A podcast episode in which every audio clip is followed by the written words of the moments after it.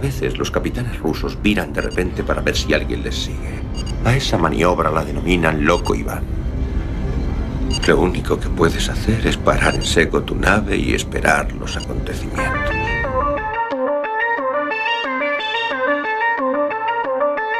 Galasphere 347 of Space Patrol calling unidentified ship. Good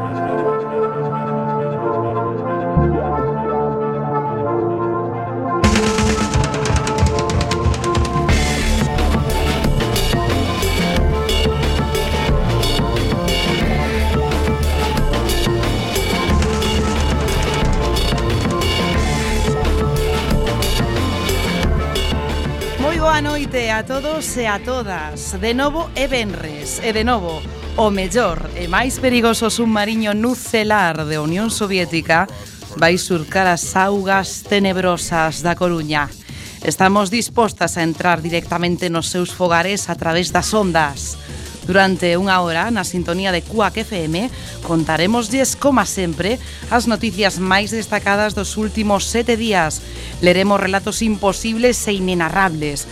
Abriremos a escotilla para invitar a un escritor de relatos malditos e falaremos das distopías, daqueles futuros paralelos marcados polo infortunio que últimamente parecen máis reais ca nunca.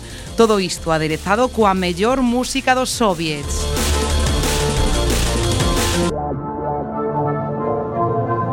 Please stand back from the automated door and wait for the security officer to verify your identity. Before exiting the train, be sure to check your area for personal belongings.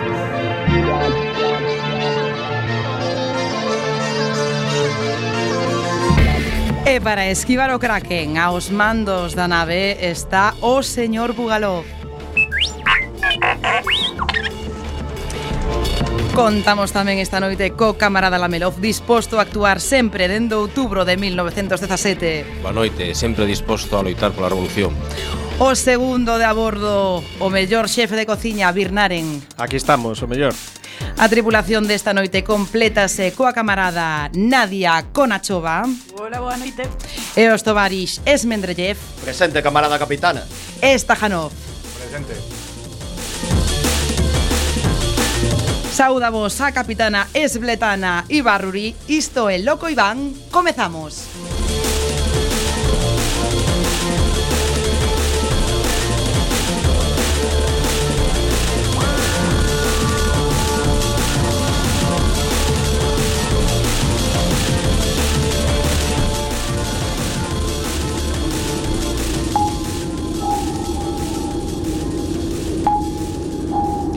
Xa saben que antes de profundar en mundos distópicos e ucrónicos hai que estar ben informados por se en realidade xa estamos neles e non nos tiñamos enterado. Damos paso pois ás novas máis destacadas da semana. Arriba Periscopio! Periscopio!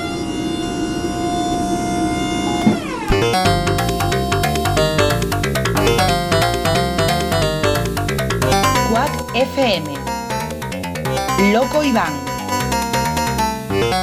Periscopio.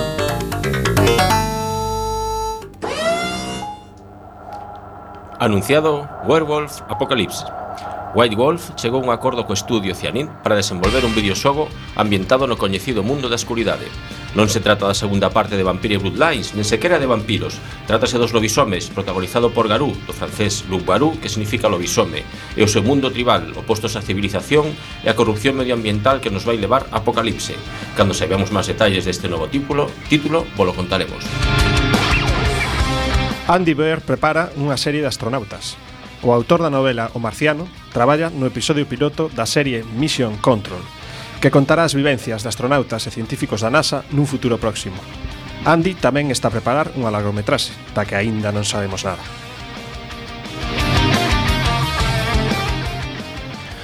Fantasy publicará en abril O Anso das Tormentas de Trudy Canavan, O segundo libro da saga A Lei do Milenio sairá esta primavera da man da editorial Fantasy. Ese mesmo día sairá tamén Masia Roubada, o primeiro da triloxía. Na Lei do, do Milenio, Tien ensina masia mecánica na Escola de Lifre, Pero como reado que egreso do gobernante de todos os mundos que proíbe as escolas de Masia deixaos en alumnado. Terá máis de 700 páxinas, moito menos que o Capital. Cés Piñol estará no Saló do Cómic de Barcelona.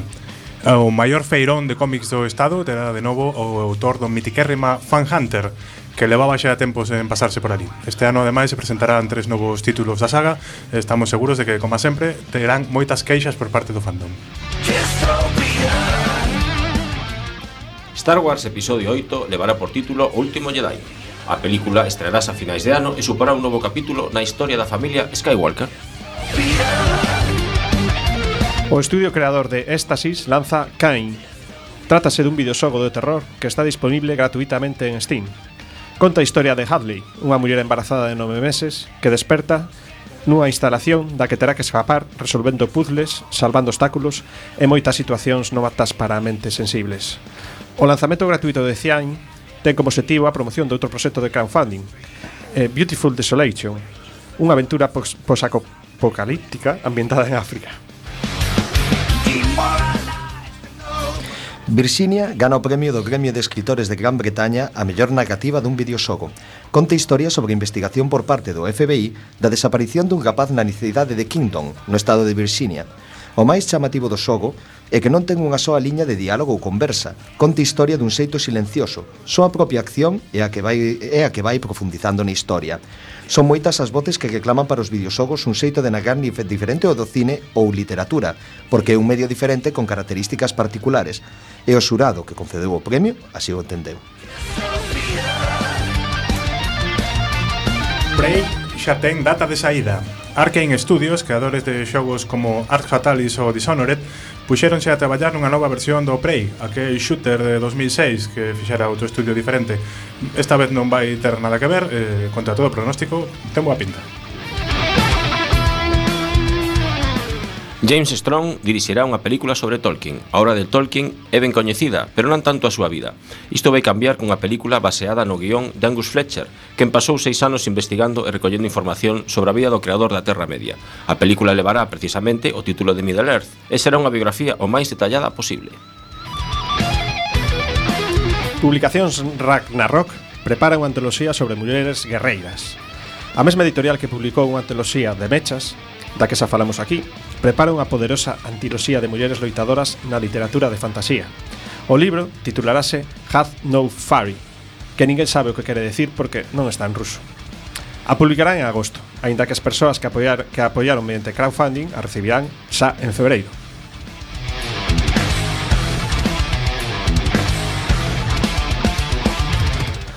Fantasy Flight Games recupera o Barón de Munchausen, O xogo de gol sobre as aventuras do coñecido varón publicouse por primeira vez no ano 1998 e agora volta con novidades e variantes nas normas do xogo. Os xogadores interpretan aristócratas do século XVIII, que retan os demais a relatar unha historia improvisada a partir do esquema proposto por outro xogador. A gracia é que poden poñerse trabas ou obsesións a eses relatos.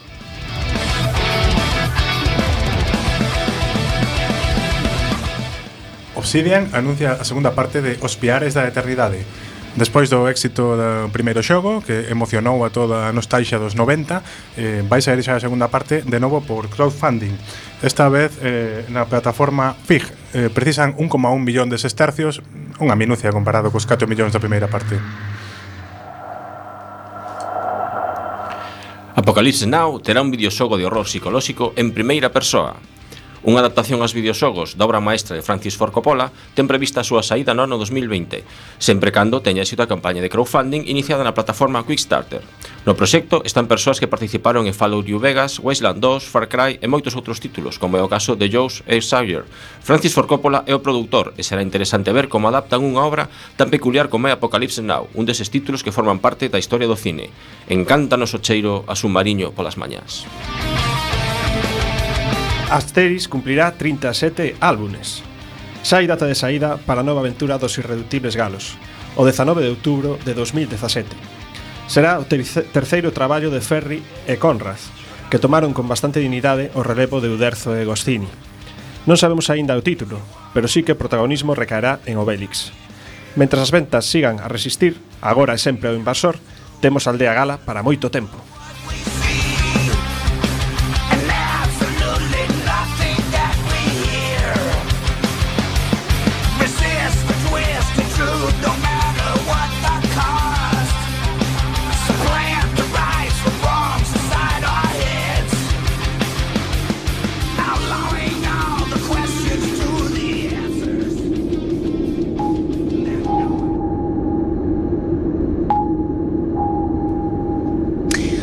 único que me gusta das distopías, non sei por qué, é que sempre viste moi ben todo o mundo nas películas de distopías. Son aficións que xa saben que teño polo coiro. Eh, acórdense da peli Matrix, non? Creo que desta vez a canción da semana que nos trae o señor Bugalov ten que ver algo con iso, non é así? Pois ven sendo que sí. Un segundo que axusta aquí o receptor. Resulta que había un grupo alo polos 90 que se chamaba Race Against the Machine que foron un grupo que mesturaba rap e metal con letras contundentes e revolucionarias cun claro posicionamento político contra o capitalismo, a globalización, sabemos, xa sabemos esas cousas que aquí non nos molan demasiado. Eh, o resto do, bueno, o Sac de la Rocha, que é o líder do grupo, é fillo dun antropóloga e combina a súa actividade musical co activismo social. O resto do grupo tamén ten un intenso activismo político, como por exemplo as súas duras críticas contra Trump se lles vai acumular a chollo, no chollo non van dar abasto. O tema de hoxe chamase Wake Up, eh, experta en, en algo comprensible, non? Eh, que pechaba espectacularmente a coñecida película eh, Matrix, como decía a nosa capitana, unha distopía que nos falaba dun mundo dominado por máquinas onde os humanos non somos máis que animais de granxa, meténdonos no cerebro un programa que nos fai creer que vivimos nunha realidade paralela, aínda que para distopía as outras dos películas películas da saga que eran uh -huh. bastante terribles. Sí. A canción critica o racismo e o programa de contra de contrainteligencia do FBI eh, precisamente unha parte da canción a toman directamente dun memorando real do Federal Bureau of Investigation no que o seu director o malfadado eh, J. Edgar Hoover suxira obxectivos para a represión do movimento nacionalista negro e denuncia que os líderes negros Malcolm X e Martin Luther King foron asasinados polo goberno de Estados Unidos. Matrix remataba con esta frase xusto antes de que soara a canción. Sei que estades aí, percibo a vosa presencia Sei que tedes medo, tedes medo de nós, tedes medo do cambio.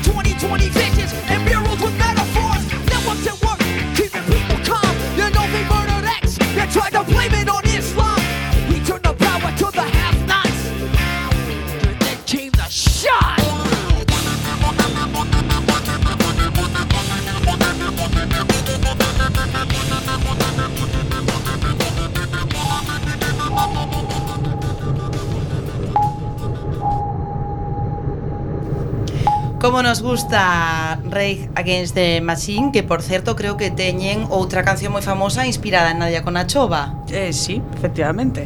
Tiñan, eh, eso, eh. tiñan unha famosa outra tonada, eh, xa eh, sabedes. Eu non teño ninguna canción, entón, ou que? Eh, Birnaren, pois, se me ocurre xa moitas, pero... Birnaren. pero... Bueno, traerei unha próximo programa, entón. Efectivamente, alguna de Rafael. Claro. bueno, Eh, sabedes que tra a investidura do noso moi eh, hater Donald Trump En Amazon disparouse un 9.500% a venda do libro 1984 de Orwell eu non sei por qué. En calquera caso, é hora de entrar na nosa biblioteca para escoitar o relato.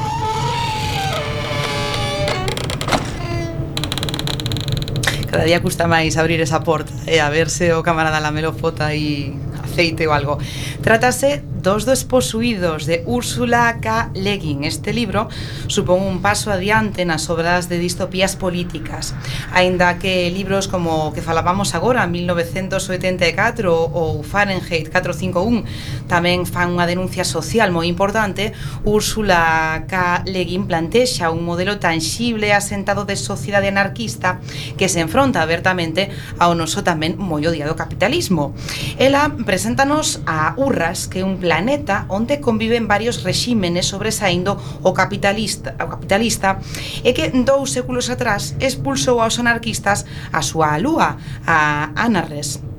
Ali o libertarismo construe unha sociedade ácrata que se mantén illada pero estable.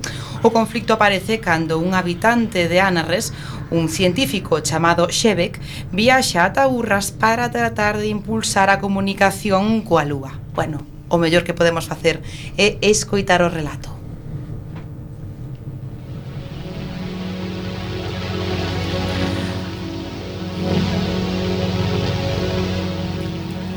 Había un muro.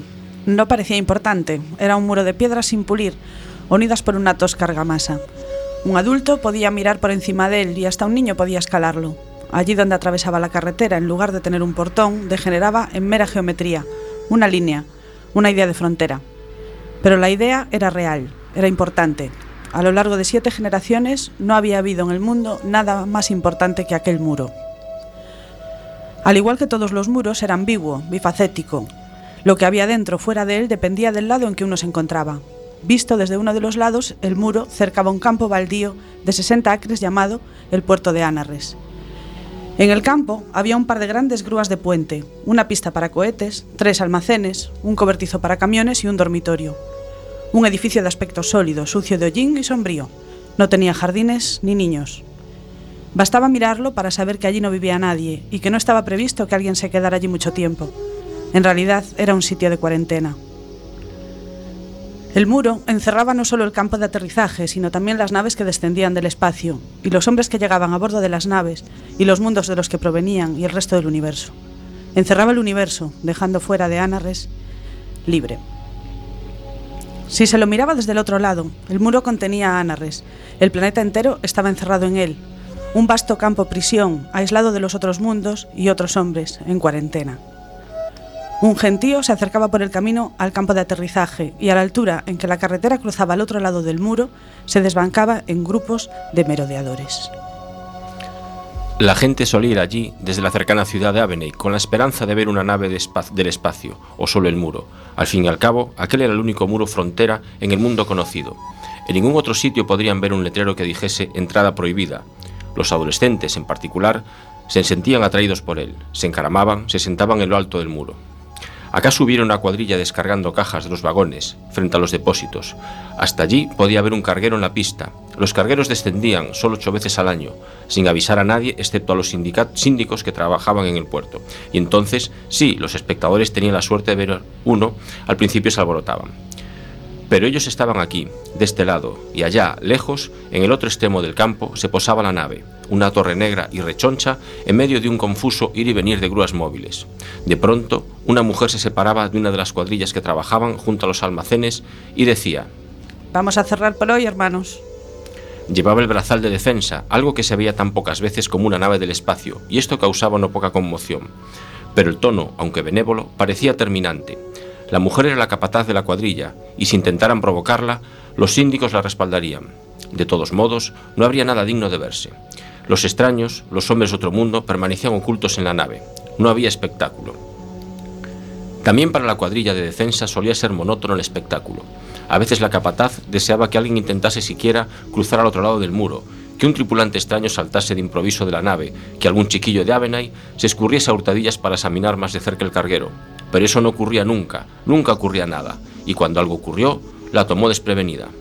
El capitán del carguero alerta le dijo, ¿Anda detrás de mi nave esa gentuza?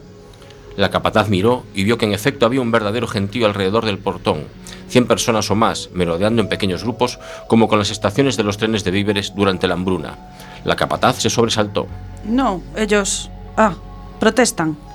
Protestan, usted sabe. ¿Pasajero? ¿Quiere decir que andan detrás del bastardo que se supone tenemos que llevar? ¿Es a él a quien tratan de impedirle la salida o a nosotros? La palabra bastardo, intraducible a la lengua de la capataz, carecía de significado para ella. Era uno entre otros términos extraños, pero no le gustaba nada como sonaba, ni la voz del capitán, ni el capitán. ¿Puede en verdad arreglársela sin mí? Sí, qué demonios. Usted ocúpese de que baje el resto de la carga y deprisa, y haga subir a bordo a ese pasajero bastardo. Ninguna chusma de lunáticos nos va a crear problemas a nosotros. La capataz echó una ojeada fría al objetivo fálico. Sabía que era un arma. La nave estará cargada a las 14. Mantenga la tripulación segura a bordo. Despegue a las 14 y 40. Si necesita ayuda, deje un mensaje grabado en el control de tierra. y echó a andar a grandes zancadas antes de que el capitán tuviese tiempo de llamarla al orden. La cólera le daba fuerzas para exhortar con más energía a la cuadrilla y a la multitud.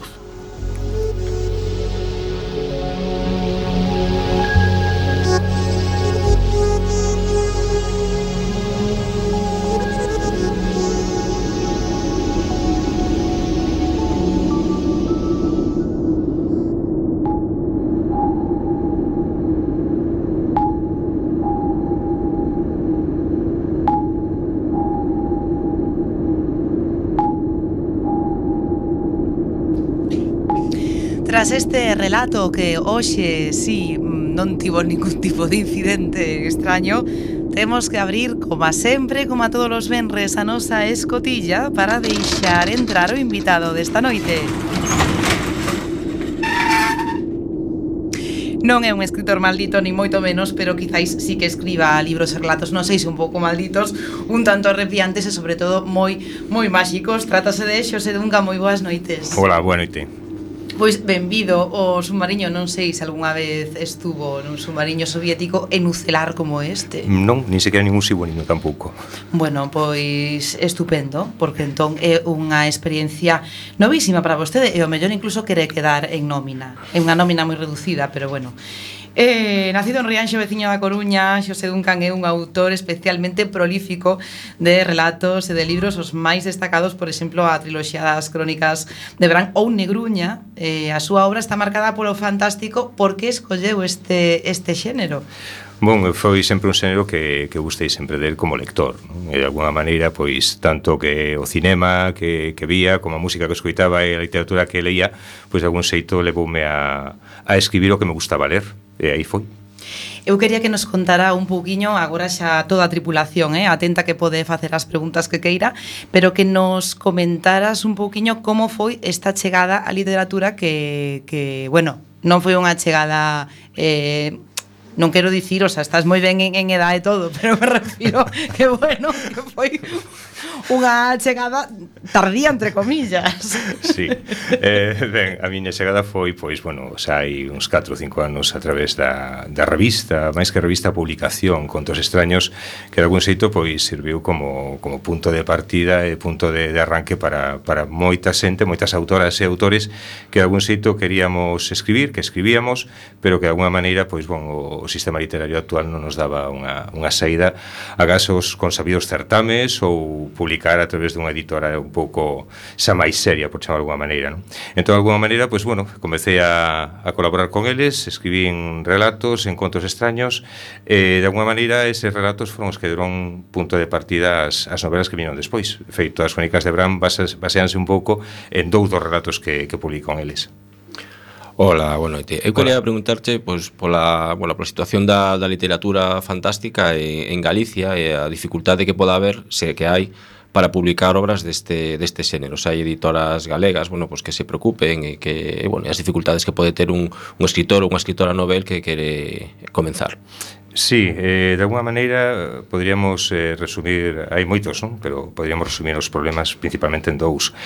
Por unha banda que agora mesmo a nivel especializado só existe unha editora que é Urco, que se dedica tanto á traducción como á publicación de, de, de galegas e galegos que escribimos fantasía, ciencia ficción e terror E por outra banda eh, tamén está o que sería o chamémolle clasificación errónea en tanto a que a fantasía se lle considera como unha literatura juvenil, eh, mesmo moitas veces infantil. Non hai unha consideración de que a fantasía poida ser unha lectura para o público adulto. Eh, iso de alguma maneira para min é unha anormalidade do sistema literario porque se o sistema literario fose normal estivese normalizado pois non teríamos ese chamémolle menosprezo de alguma maneira non? Eh, Parece que por escribir fantasía ou escribir ciencia ficción ou escribir terror, pois estás escribindo para a rapazada. Cando moitas veces eh, eu que conste que non condiciono nunca o que, o que escribo en canto o, o público do target, eh, pero sí que de alguma maneira parece que, que, que estás facendo, pois iso, novelas para adolescentes, non? Como se está facendo moito cinema agora os yanquis para adolescentes, porque fan distopías que vaya por dios.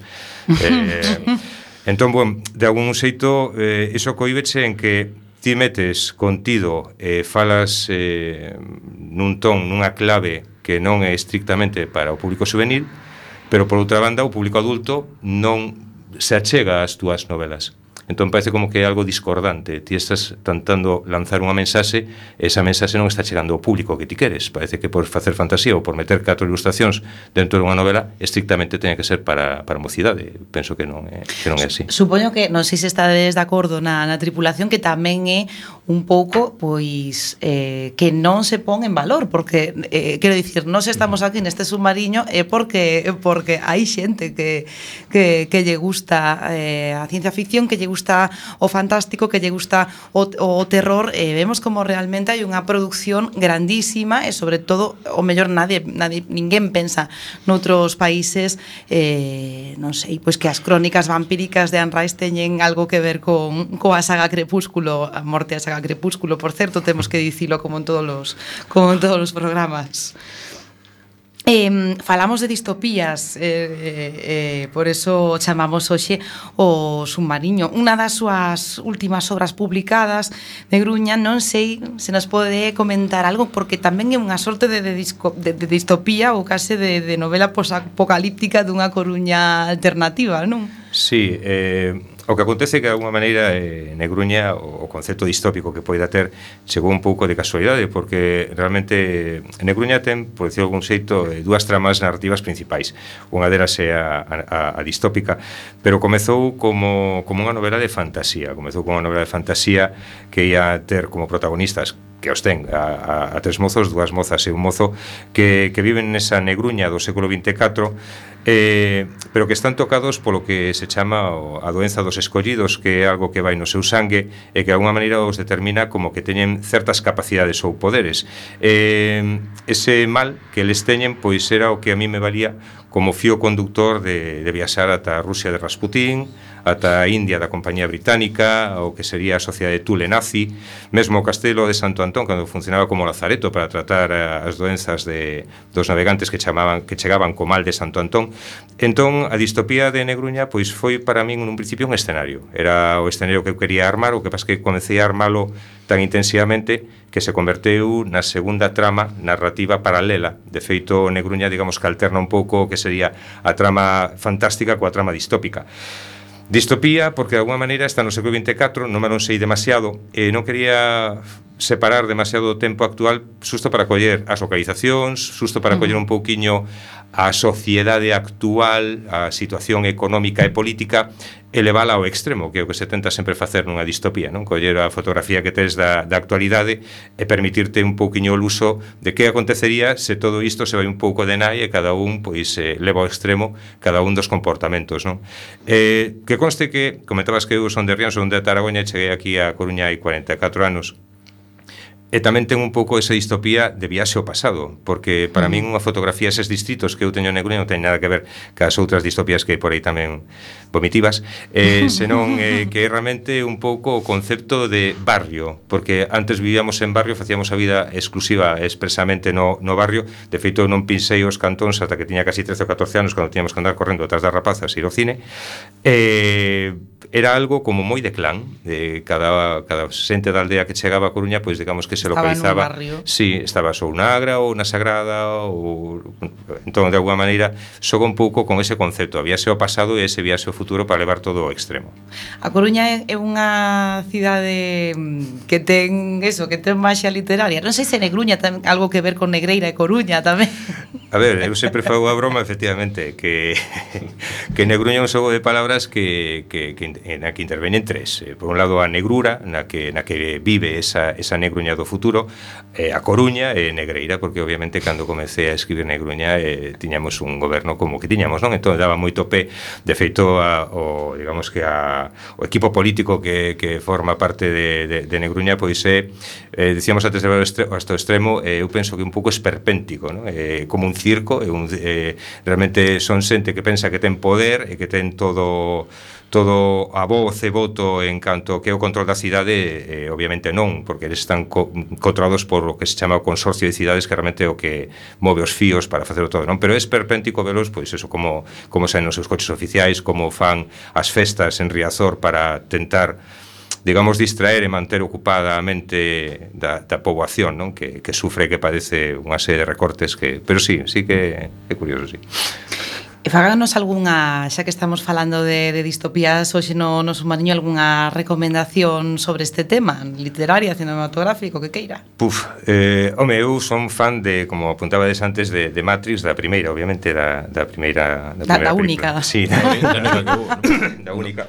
Despois, home, a nivel distópico podemos falar, pois eu, cando falamos dos dos posuídos, susto é a, a novela que lín este, este verán, a chegar a Matomás, eh, porque el amante de Lewin eh, adora. Eh, para min, efectivamente, é susto iso, eh, eu son moito máis de distopías sociais ou políticas, máis que estas distopías que hai día que parecen unha ciencia ficción para adolescentes, non? Eh, que, que cabe, vale todo con que haxa unha prota ou un prota que teña un tramo de idade entre 12 e 17 anos, uh -huh. e a partir de que lle pasen de todo, eh, cualquiera tipo de cousas sen ningún tipo de profundidade. Eh, falabades antes, pois iso, de, de 1974, de Fahrenheit, eh, Un Mundo Feliz, eh, Para min as distopías que, que me gustan realmente son as de toda a vida, as de antes, as de agora, a verdad, que adoecen un pouco de todo. Tamén colaborou no, no volume colectivo Contos dos Acauntos sobre a figura de, de Roma Santa. Uh -huh. eh, esta é unha figura, non sei se un tanto icónica no que o, no que o terror eh, ancestral de, de, de Galicia. Non sei se hai máis figuras como esta que non estamos eh, recuperando, non está recuperando a, a, a literatura. Pois non, non sei, a mí realmente o, o que sí que me chamou a atención de, de, de Roma Santa cando colaborei neste volume colectivo foi, bueno, aparte o, o ben organizado non que ten a Fundación Risco porque eh, xuntámonos aí pois Andrea Barreira, Ramón Caride eu e outros dous colaboradores máis por parte da Fundación eh, e nos xuntan nunhas xornadas eh, estamos ali tres días en Allariz eh, nos dá unha perspectiva do, de Roma Santa moi moi curiosa. Na, nas jornadas que, que, que me tocaron a min pois falábamos da botica falábamos desde o punto de vista criminalístico falábamos deste tipo o, o punto de vista de mesmo legal non? Eu fixen a sección de conciencia no arquivo Reino de Galiza que era onde estaba pois ese caso arquivado non? De Roma Santa. E para min foi espectacular pois saber do hermafroditismo que tiña Roma uh -huh. Santa que era Manuela ata que fixo a comunión e dixeron non que isto é un home. Eh, despois tamén o, o concepto dos sacauntos, o concepto da botica, non? Como realmente sí que estaba permitido comerciar con unto humano, eh, pero cada botica tiña pois un peso determinado que, que podía comerciar durante un mes, e claro, a partir de isto, bueno, pode saber calquera tipo de contrabando e, e, e de todo. Despois tamén a, a figura que el, que el era, porque el era unha persoa moi moi tranquila, moi amigable, moi parece difícil, non, pensar que un home de 1,35m eh, con esa sensibilidade que, que el tiña, tiña todas, eh? que puidese ser mm, un asesino de mulleres, ademais mulleres feitas e dereitas, mulleres uh -huh. de campo que traballaban la, na leira, non? Entón, mm, aí barallábanse eh, certas eh, opcións eh, a, a vida de Manuel, tamén a súa morte, porque hai poucos anos que se descubriu que el morreu de cancro de estómago, non? En, eh, uh -huh. Ceuta non morreu aquí. Eh. E eh, de alguma maneira... Eh, falaban do que era eh, que el pudiese ser eh, denunciado ou acusado por, eh, por, ese, por eses crimes porque el non quería que acusasen de, de ser gancheiro. Daquela estaba penado con pena de morte o que ti pudideses axudar a xente a emigrar de forma ilegal. Entón, bueno, el entrou nese... Bueno, era unha das, das un pouco das teorías que había, non? Pero sí, é realmente interesante a figura dese home. De, de, detrás de, gran, de un gran monstruo sempre hai unha vida complexa mm -hmm. e... Sí, sí. Hola, sí, eh, hola. Eh, eu quería saber, como dicía a capitana o, o comezo, que se os eduncan nunca para quieto moito rato, que é o seguinte no que estás a traballar, que nos vai deixar ver.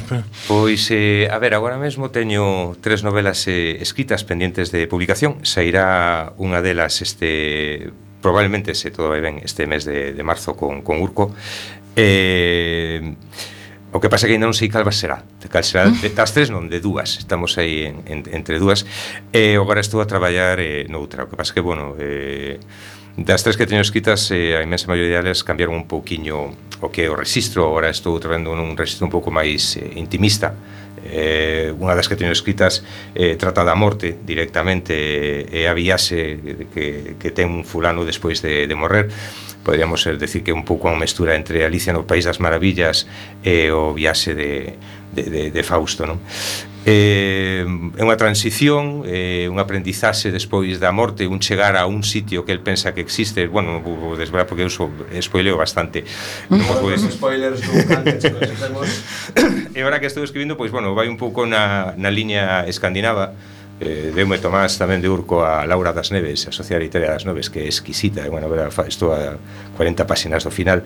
E gustame moito ese, ese estilo que teñen os, os, os escandinavos eh, de contarse pois como unha fábula pero para adultos. É brutal, eh, os personaxes son totalmente caricaturas, veñen mesmo definidos polos seus nomes e apelidos, eh, máis que máis que pola súa apariencia física, que tamén, non? E polos seus actos, pero que ves que todo ben condicionado por esa caracterización que vai desde o nome, o apelido, a, a presencia física que teñen e, e ademais o xeito de narralo. Teñen unha retranca que eu considero moi semellante á, á galega, non? E, aí hai unha escena cando falan de unha bolseira que traballaba na biblioteca que, según hai un párrafo que di, escondíase, agochábase silandeiramente detrás dos andeis para botarse peidos, é dicir, guau, pero en o medio dunha, dunha trama así bastante dramática, non? Birnaren o fai continuamente continuamente na, na cociña sí. do submarino. Pois pues será escandinavo máis que ruso, ao mellor. Pode eh, sí. Bueno, as miñas orixes son descoñecidas por mí mesmo incluso. O sea, que Encontramos un día que nunha rede ali atrapado, eh, pero quedou desde entonces, estamos encantados. Ben, ben. Eh, non sei se tedes algunha pregunta máis para, para o invitado desta noite, porque senón llevamos pedir que quede agora nesta, nesta tertulia, nesta inmersión que vamos ter para falar máis polo profundo de, de distopías e de, e de ucronías. Así que algunha última pregunta? Non? Estamos todos? Bueno, pois, veñan, vamos coa inmersión.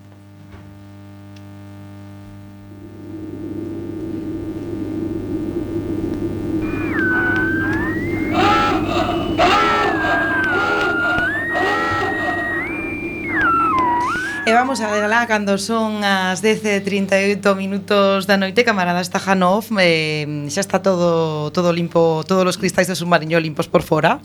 Sí, sí, teño que compartir unha información con vostede, capitana. Dígame. É que me enterei que se está a preparar un motín. Perdona, o motín xa foi, non creo que se este preparando outro. Como que xa foi? O motín xa tivo lugar. A mí sempre me avisades de último. Bueno, o motín xa tivo lugar e que eu saiba, eh, vos din pois uns denarios máis ao mes. Pero bueno, é, é que Vamos, bueno, pues, en fin eh, eh, Está ben así, me librei do, do castigo A capitana é xusta e misericordiosa Gracias, Esmendrellev Esta noite, pois eh, Non tan misericordiosa máis. Que estás dicindo? Que non é tan misericordiosa como, como podría ser Bueno, en fin eh, bueno. Calade, home Eh Veña, vamos ali. Eh, xogos, por favor, Stajanov, mm, contanos destes xogos eh, de mesa distópicos. Mm, collo os, os meus 10 minutos libres da semana para falarvos do que é, sen dúbida o, o, o mellor xogo de rol da historia, ou que non é o máis vendido, nin o máis coñecido, nin, nin o máis nada, pero é o mellor porque eh, é como unha versión de 1984 escrita por Marx, por Groucho Marx. Falamos de paranoia. Paranoia é un xogo de West End Games de Estados Unidos que se publicou en 1984, moi propiamente. Uh -huh. E conta un futuro maravilloso no que todo o mundo é feliz, basicamente porque non ser feliz é delito. Tamén é delito falar moi alto, non ir pa cama a túa hora. Como neste submarino.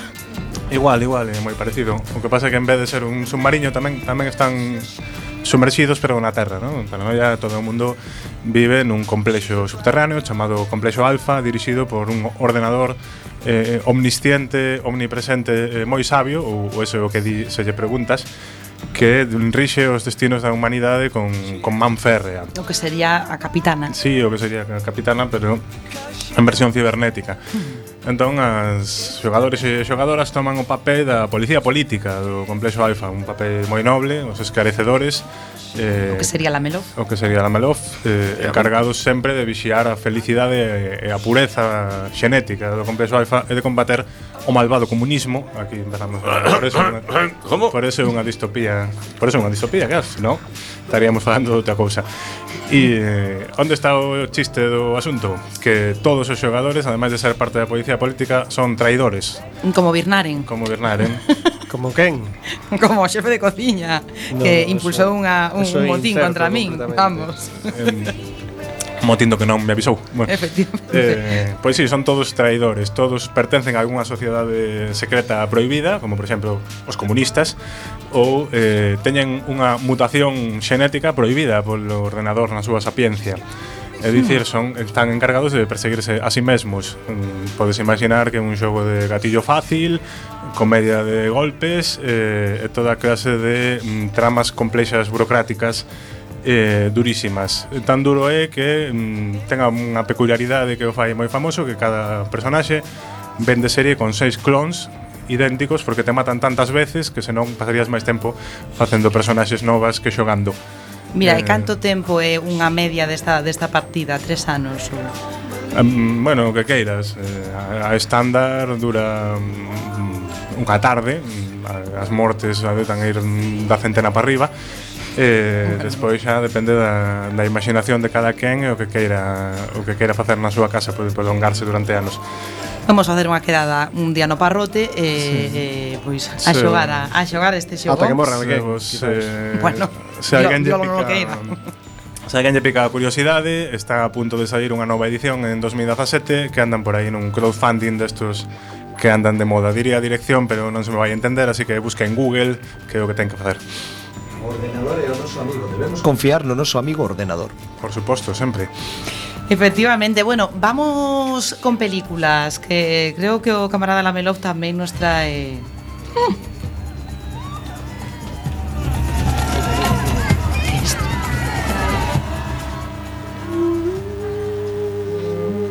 Camarada Lamelov. Eh, Estou escoitando a música, camarada. Espere.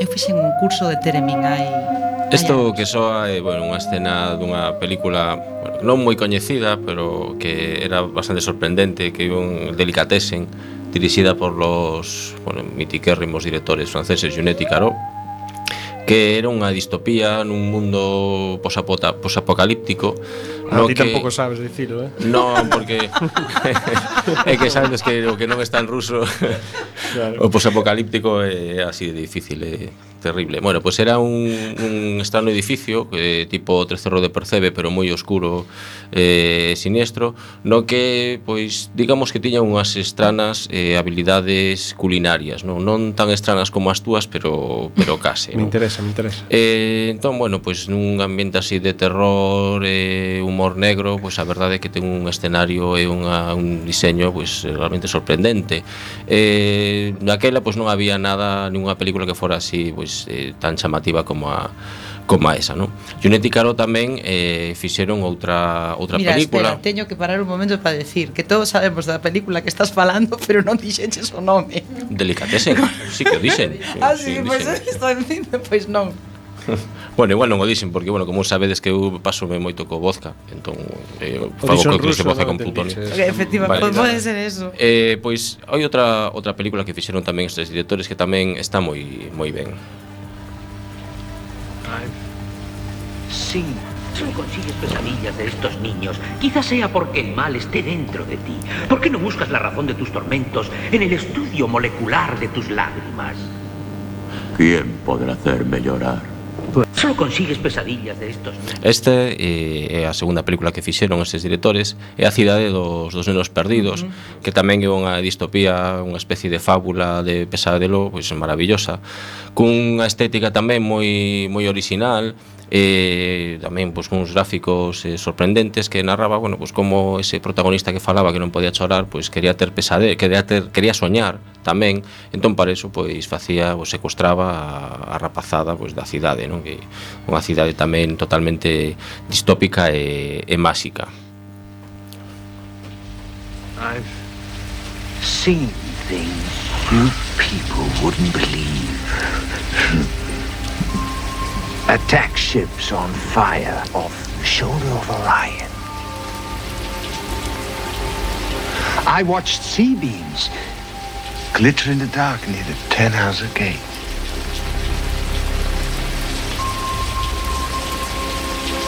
All those moments will be lost in time. Like tears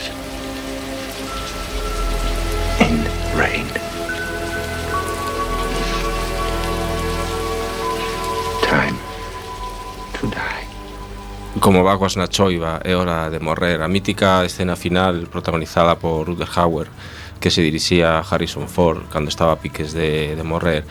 Unha escena que aínda produce arrepíos e pon os pelos como escarpia agora, agora mesmo. Pasa que como temos a, a, a música de fondo este perde. Esa temos o sentido, esa, peli, esa música que está de fondo xa veredes, porque, bueno, pois pues, eh, Blade Runner, efectivamente, é unha das obras maestras do cine de ciencia ficción, unha distopía, ciberpunk, cun eh, Los Ángeles totalmente distópico que nos recorda, nos recorda moitas veces a, a Meicende cando chegas pola autoestrada de, de Carballo baseada no libro de Philip K. Dick que eh, sonan os, os eh, sonan os androides con ovellas eléctricas, non? un título pouco comercial e que, bueno, está inspirado eh, pois eso, na, na vida, na morte, na filosofía de, de, do futuro da, da humanidade, non? A película eh, non foi un éxito comercial cando saiu, pero convertiuse nunha, nunha película de culto e logo tivo pois, moitísimas versións destas do director que se chaman Director Cat que a verdade é que non molaban tanto como, como original, polo menos a min é a que, é a que máis me, me gustou. Outra película tamén distópica que precisamente por eso está soando esta musiquilla así tan brasileira tan, é a pois, Brasil con, con Z que é pois, eh, do ex Monty Python, eh, Terry Gilliam, que, uh -huh. bueno, un aficionado tamén pois, ao cine distópico, de feito ten varios títulos na, no seu haber, non? De feito esta película é a segunda dunha triloxía que contaba con, pois, eh, eh, Os ladróns do tempo, a propia Brasil e o Barón de Munchausen, as aventuras de Barón de Munchausen. E todas tiñan un, pues, unha liña común que era que el defendía a liberdade de pensamento e lo quería buscar un mundo onde a xente pudera eh, pensar libremente, pero xusto nestas historias non estaba permitido nunca. Tanto Brasil, por exemplo, era un mundo totalitario, burocrático, onde o protagonista ten os maiores problemas é considerado unha ameaza para a sociedade cando quere eh, ter liberdade de pensamento, precisamente por por un erro nunha mensaxe que lle chega de todo ese sistema burocrático e tenebroso que facía. Tamén tiña un diseño artístico absolutamente maravilloso e que chamou a atención sobre todo esos ordenadores estranos no? que facían os ollos grandes cando mirabas a, tra a través deles. Eh, bueno, eu recomendo a película, sobre todo en versión original, polo diseño gráfico, pola historia e pola musiquiña. Pero a versión original é en ruso. A versión original é en un idioma que eu non entendo, por iso mola. Bueno con ritmo de samba. Señores Mendeleev, por favor, contenos eh, literatura distópica, Camarada Capitana, antes falaba de 1984, que parece ser que agora se vende moito aquí co amigo Trump. Eu non entendo, porque 1984 fala dunha xente que tiña unha gran capacidade de convicción, eran xenios do mal, e o tipo este levou un mapache morto na cabeza, pero bueno, a cuestión que se puso, se puso de moda, non? Inda que se pon de referencia, hai unha novela que anticipou todas as outras eh, antiutopías ou distopías, como as queramos chamar, e que den moitas similitudes, anticipouse moito a 1984 e a Un mundo feliz e a outras novelas.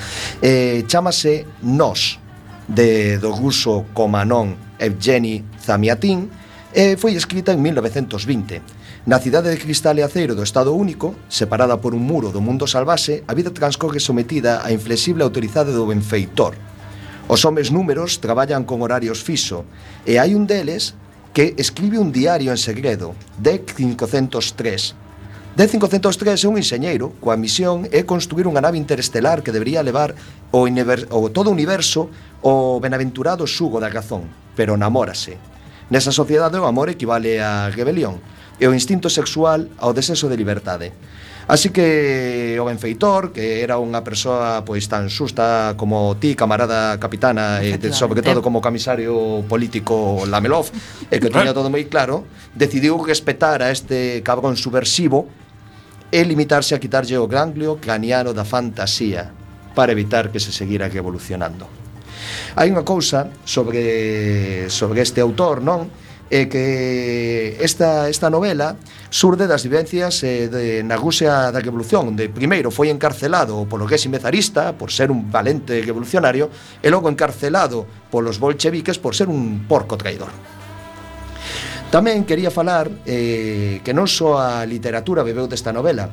Moita xente non sabe que a primeira película eh, que dirixiu George Lucas chamábase THX1138, E chamábase así porque fala dunha sociedade subterránea donde tamén existe un control absoluto da, da sociedade para o seu ben e pois eh, igual que nesta novela de que falamos esta persoa namórase cae no pecado de, de enamorarse e a partir de aí pois empezan a suceder unha serie de, de aventuras. É moi recomendable, é unha peli que se converteu en película de culto tamén basada no amor e que tamén elevou estado a un nivel de Deus hasta tal punto de que, bueno, o tipo cando se sinte mal por ser un traidor asqueroso, pois vaise confesar co Deusom, que é unha careta de Xesucristo diante dunha cinta moviola que lle lanza consignas religiosas. Eso lle pasa continuamente a Bernarden, que cando fai mal, como cando, cando fixo o motín logo veu a, a confesarse.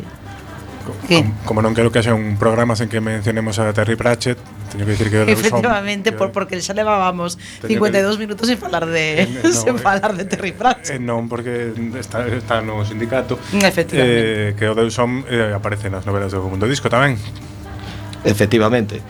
E tamén, nada, nada máis comentar unha cousiña máis. Eh, por mencionar un cómic Hai unha novela moi famosa dun veterán de guerra antibelicista da, da guerra de Vietnam eh, que se chama A Guerra Interminable, de, de ahora dudo se Helding ou Haldán, moi pues mal aquí se ven coas cousas ben aprendidas, eh, porque non ver, te podes estar tirando al moco e agora non te sabes como se llama. Hai que recomendala, hai que recomendala porque é unha gran novela que está traspasada a cómic, o cómic é maravilloso eh, trata basicamente de, de que a raza humana entre en guerra cuns alienígenas, os tauros. Esta persona fai viaxes relativistas e cada vez que volve á Terra, a sociedade está máis cambiada. E varias desas novas sociedades que se atopa son distopías.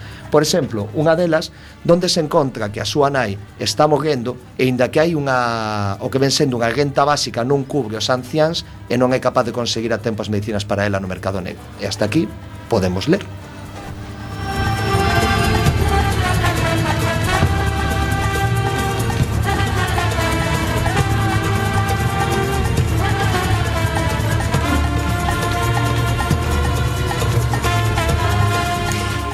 a ritmo de samba de Brasil con Z Eh, señor Lamelov, nos tiña que contar algo máis que se lle esqueceu. No, non se me esqueceu, que pasa que hai que, eh, falar sobre de... tempo, claro, temos sí, que falar tempo hai que encher de, de palla e tal. Pero non é de palla, senón de dous eh, videoxogos que realmente son son míticos, non? Un é o Deus Ex, que din que cando escoitas o seu nome tes que volver a instalarlo, non? Un videoxogo do ano 2001 que ten unha historia eh, ciberpunk e distópica que chea de conspiracións e plots e con moitísimos camiños para resolver a, para resolver a historia. E outro tamén, eh, xa falei algunha vez del, que Dishonor... Algunha vez, sí. Sí, algunha vez Dishonor, bueno, que tamén crea un mundo distópico onde a enerxía... Algunha vez non falaches tamén.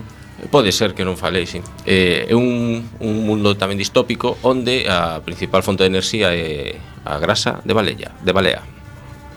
E que nos conta, esta Hanov que está pedindo Paso. Sí, bueno, hai un tema que non se debía eh, meter porque é moi forte, pero Bueno. Porque é unha das estopías máis terribles que me teño atopado, que é tamén nun, nun cómic de Private Eye, que está feito por Brian Vaughan o guión e o catalán Marcos Martín o debuxo. Aparte de ter a curiosidade de que ser un cómic online que se vende por paga o que queiras, de se eres un cutre e queres pagar 0 euros, pois pagas 0 euros, e senón pois o que ti vexas. Eh, basease nun momento terrible no cal alguén entra, eh, fai público todos os historiais de visitas, comentarios trolls e cousas malas que facemos en internet Bo. e o lanza a nube. Entón todo o mundo sabe que han estado vendo porno de lagartos, eh, non miro para ninguén, esa noite no seu cuarto bueno, do eh, submarino. Bueno, eso xa o deixei fai tempo. O sea, xa aí... comentei aquí no sumadillo. A partir de aí, eh, a sociedade para refacerse, todo o mundo ten que pasar a vestir máscaras para que non se lle recoñezan as súas depravacións. Mm, vaya por Dios. Un minuto, Esmendrellev, que nos contas? Simplemente eses acenos que me fai capitana señalándome a habitación gulag. Faime que acordar de pronto que, que o escritor efectivamente era Joe Haldeman veterano da guerra de Vietnam e gañador dun corazón púrpura e firme antibelicista e socialista. Sí, sí, vamos, que o miraches aí na Wikipedia vamos, vas O camarada Google nunca falla. Sí, vamos. Eh, xa case nos temos que ir, así que vamos poñer a música que máis nos gusta para comezar a fin de semana. Sexan moi felices que o merecen. Boa noite. Boa noite.